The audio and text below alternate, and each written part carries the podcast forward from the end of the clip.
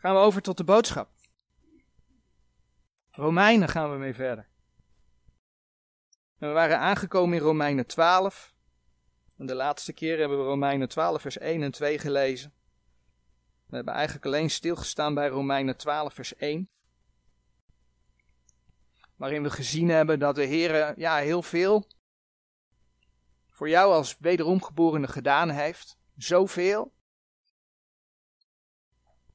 Dat het heel redelijk is, zo zegt dat vers dat. Dat je de Heer ook wat teruggeeft. En wat de Heer vraagt, staat in dat vers, is jouw lichaam.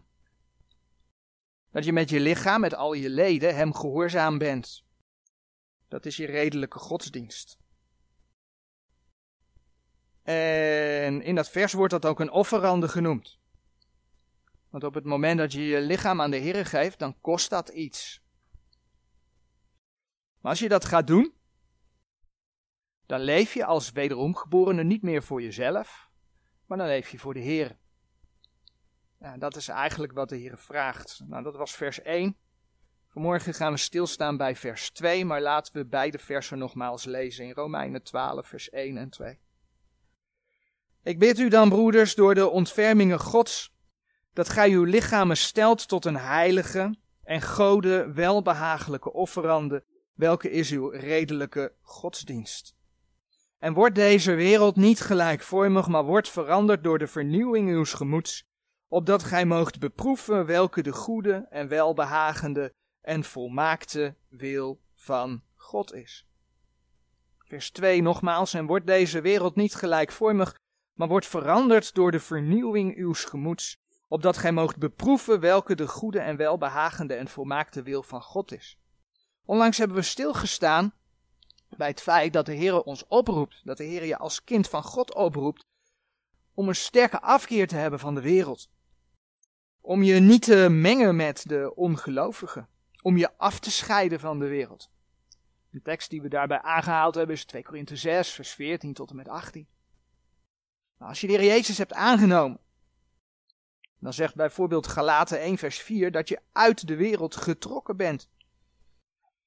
Dat is eigenlijk je positie in Christus. De Heer heeft je uit die wereld gehaald. Galaten 1 vers 4.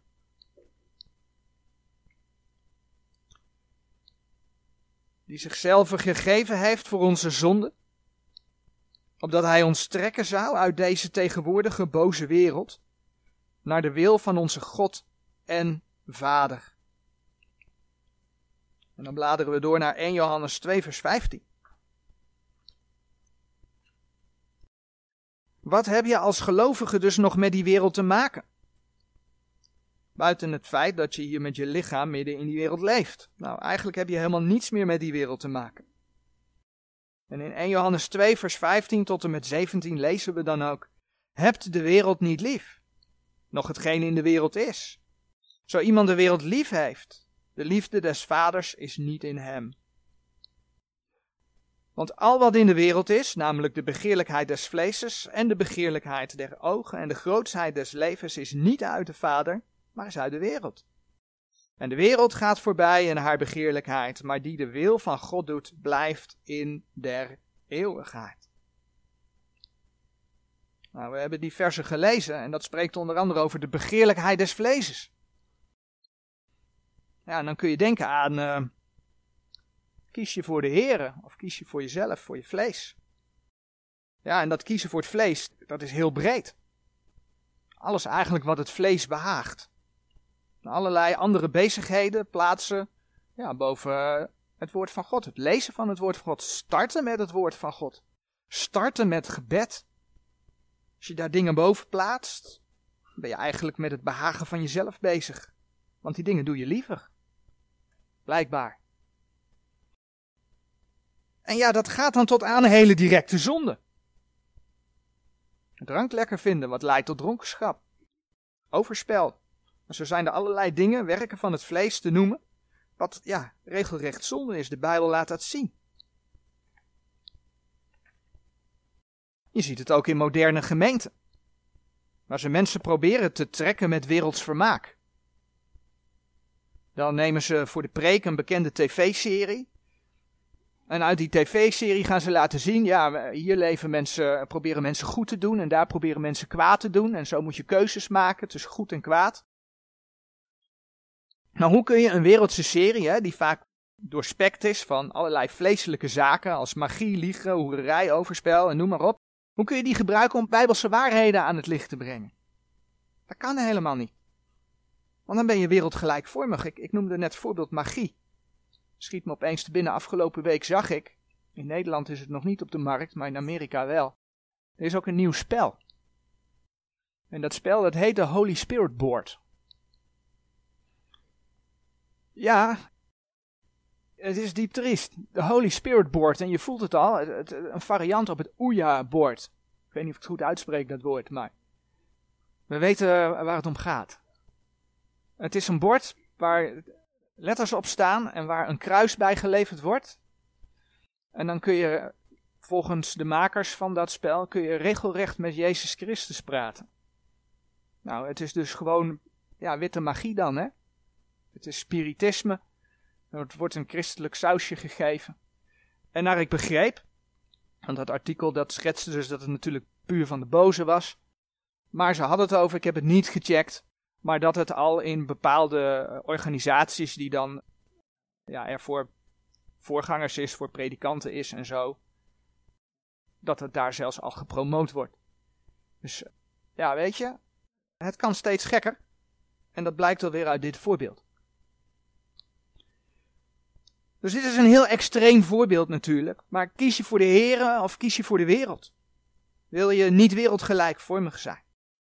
En natuurlijk kun je dingen, hè, net zo goed als ik dit noem van dat bord, kun je als voorbeeld aanhalen om te laten zien hoe ver het is in de tijd, hè, als teken van de tijd, hoe ver de wereld afgegleden is. Maar je kunt dat niet gebruiken om daar iets goeds in aan te gaan tonen, want het is niet goed, het is fout.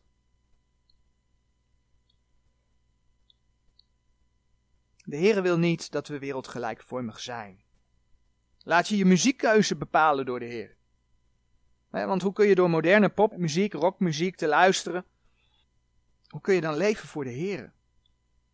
Doorspekt van allerlei vleeselijke zaken, dat gaat niet. De Heer zegt en wordt deze wereld niet gelijkvormig. Een ander ding wat we in 1 Johannes 2 tegenkwamen is de begeerlijkheid der ogen. Nou, dat heeft te maken met aanzien, dat heeft te maken met macht. Laat je in keuzes, laat je je leiden door de Heer. Eh, een voorbeeld. Je krijgt een andere baan. Laat je je daarin leiden door de Heer. Of laat je je leiden door ja, jouw aanzien. Dat je het beter krijgt omdat je meer gaat verdienen. Wat is de keus die je daarin maakt? Stel je krijgt een andere baan aangeboden. Een baan van, nou, hogere schaal, hogere rang, meer aanzien misschien wel. Betaald beter. Maar het is verder verwijderd dan die bijbelgelovige gemeente waar je naartoe gaat. Waar kies je dan voor? Neem je dan die baan, want ja, je gaat meer verdienen? Of zeg je van, nou nee, ik neem genoegen met wat ik heb, want dan kan ik in ieder geval op zondag naar de bijbelgelovige gemeente blijven gaan. Nou, de wereld kiest dan voor aanzien, kiest voor carrière, kiest voor meer geld. Maar waar kies je dan als kind van God voor?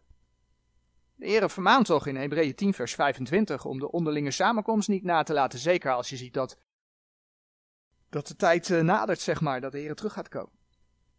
En dan zegt de Heer, en wordt deze wereld niet gelijkvormig. Dus waar laat je je door leiden in keuzes die je maakt?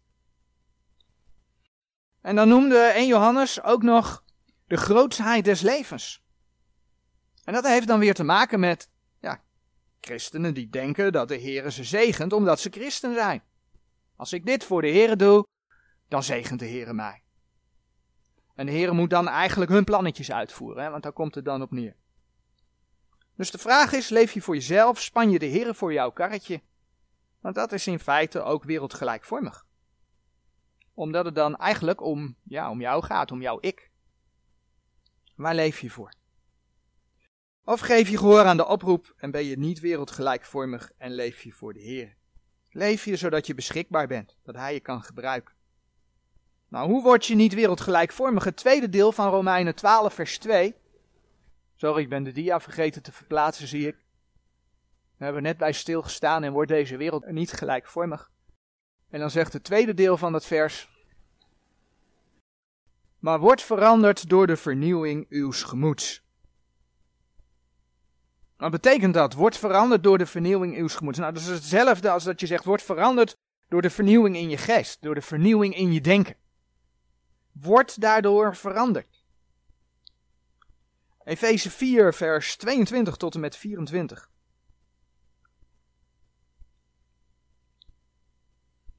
Die spreken daar ook over, die versen. Efeze 4, vanaf vers 22. Te weten dat gij zoudt afleggen aangaande de vorige wandel oude mens, die verdorven wordt door de begeerlijkheden der verleiding, en dat gij zoudt vernieuwd worden in de geest uws gemoeds. En de nieuwe mens aandoen die naar God geschapen is in ware rechtvaardigheid en heiligheid. Het afleggen van de oude mens, het aandoen van de nieuwe mens, dat wordt gekoppeld aan in het midden en dat gij zoudt vernieuwd worden in de geest uws gemoeds. Je wordt dus opgeroepen om in je geest, in je denken andere keuzes te maken. Want je positie als wederomgeborene is natuurlijk dat je opnieuw geboren bent. Dat je een nieuw schepsel bent. Maar je moet er dus wel heel bewust voor kiezen om daarna te willen leven. En door het vlees, waar je nog in woont, moet je die keuze iedere keer opnieuw maken. De oude mens, de werken van het vlees, de liefde voor de wereld afleggen. En de nieuwe mens aandoen. Heel bewust leven tot eer van de Heer. Leven in rechtvaardigheid en heiligheid, zei Efeze 4, die versen 22 tot en met 24. Als je dat bewust doet, dan laat dat zien dat je veranderd wordt door de vernieuwing in je geest, in je denken. Dat dat iedere keer opnieuw een keuze is en blijft, waardoor het dus ook eigenlijk een strijd in je leven is. Dat blijkt bijvoorbeeld uit het feit dat de Heer zegt dat je geest dagelijks vernieuwd wordt. 2 Korinthe 4 vers 16. 2 Korinthe 4 vers 16 spreekt daarover. Daarom vertragen wij niet, maar hoewel onze uitwendige mens verdorven wordt, zo wordt nochtans de inwendige vernieuwd van dag tot dag. Van dag tot dag, elke dag. Dus wanneer je de Heer Jezus als je persoonlijke verlosser aan hebt genomen, dan ben je gered. Maar klaarblijkelijk, want dat is het belang hiervan, dat je dat ziet, ben je nog niet veranderd door de vernieuwing uw gemoeds. Je bent nog niet veranderd in je denken. Je hebt hem aangenomen, je bent gered. En vervolgens moet je als christen gaan groeien, moet je gaan leren met hem te wandelen. En doordat je leert met hem te wandelen, ga je ook veranderd worden in je denken. Je leert je oude mens af te leggen, je leert je nieuwe mens aan te doen. Je, leert te wandelen naar Gods woord dat je tot je neemt. En daardoor ga je groeien. Dan kun je de vraag stellen: hoe ga je veranderen in je denken? Hoe ga je de juiste keuzes, de juiste afwegingen maken? Hoe kom je erachter hoe de Heer denkt? Nou, het antwoord is natuurlijk eenvoudig. Wees dagelijks bezig in datgene waarin de Heer zichzelf voor ons geopenbaard heeft. Wees dagelijks bezig in de schrift. We bladeren naar Psalm 119.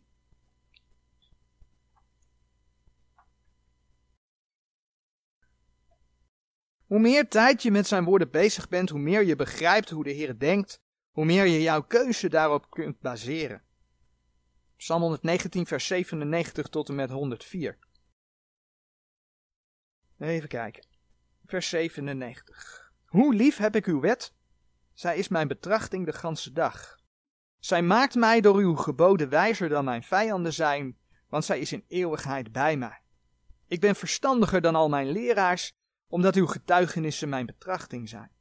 Ik ben voorzichtiger dan de oude, omdat ik uw bevelen bewaard heb. Ik heb mijn voeten geweerd van alle kwade paden, opdat ik uw woord zou onderhouden. Ik ben niet geweken van uw rechten, want gij hebt mij geleerd. Hoe zoet zijn uw redenen mijn gehemelte geweest, meer dan honing mijn mond. Uit uw bevelen krijg ik verstand, daarom haat ik alle leugenpaden. Als je Gods redenen, Gods woorden elke dag tot je neemt, word je daardoor gevormd. Daardoor word je, dat, daar schrijven deze vers over, je wordt verstandig. De Heere maakt je dan verstandig. Daardoor ga je bijvoorbeeld, daar komen deze versen in Psalm 119 mee, dan ga je alle leugenpaden haten. Ja, en als je dus de leugenpaden gaat haten, dan helpt je dat dus om voor het goede te kiezen. En zo vormt de Heer je door zijn woorden. Als je de wereld links laat liggen, als je niet wereldgelijkvormig wordt, en veranderd wordt door de vernieuwing in je denken, dan zit daar een belofte aan vast. En dat is wat het laatste stuk van Romeinen 12, vers 2 zegt: opdat gij moogt beproeven welke de goede en welbehagende en volmaakte wil van God is. Met andere woorden, als je de wereld links laat liggen, als je veranderd wordt door de vernieuwing in je denken, dan zul je Gods wil voor je leven ontdekken. En niet alleen ontdekken, maar proeven. Je gaat het meemaken. Nu spreekt dat vers over een goede wil, over een welbehagende wil en over een volmaakte wil. Dat zijn er drie. Daar lijkt een opbouw in te zitten, drievoudig. Je kunt gewoon Gods wil doen. Dat is goed. Je kunt blijkbaar extra dingen voor Hem doen, wat wel behagelijk is voor de Heer. Maar je kunt ook compleet voor de Heer leven. Nee, en dat betekent niet dat je dan volmaakt bent, want ook dan gaat het met vallen en opstaan. Want ja, je leeft hier op aarde in je vlees. Maar als je in alles op de Heer gericht bent, dan zul je meer vruchten hebben. Dan wanneer je gewoon voor de Heer leeft. Nou, deze driedeling kom je bijvoorbeeld ook tegen als je kijkt in de gelijkenis van de zaaier. Het is heel mooi om te zien dat dat iedere keer in Gods woord terugkomt. In Matthäus 13, vers 8 lees je dat het zaad dat in goede aarde valt, vrucht draagt. En wel op drie manieren. Matthäus 13, vers 8. En een ander deel viel in goede aarde en gaf vrucht. Het een 100, het ander 60 en het ander 30 fout. Dus ook hier zie je die driedeling weer terug. Vrucht 30 fout, 60 fout, 100 fout. laatste tekst die heb ik niet op de dia gezet, maar is 2 Johannes 8.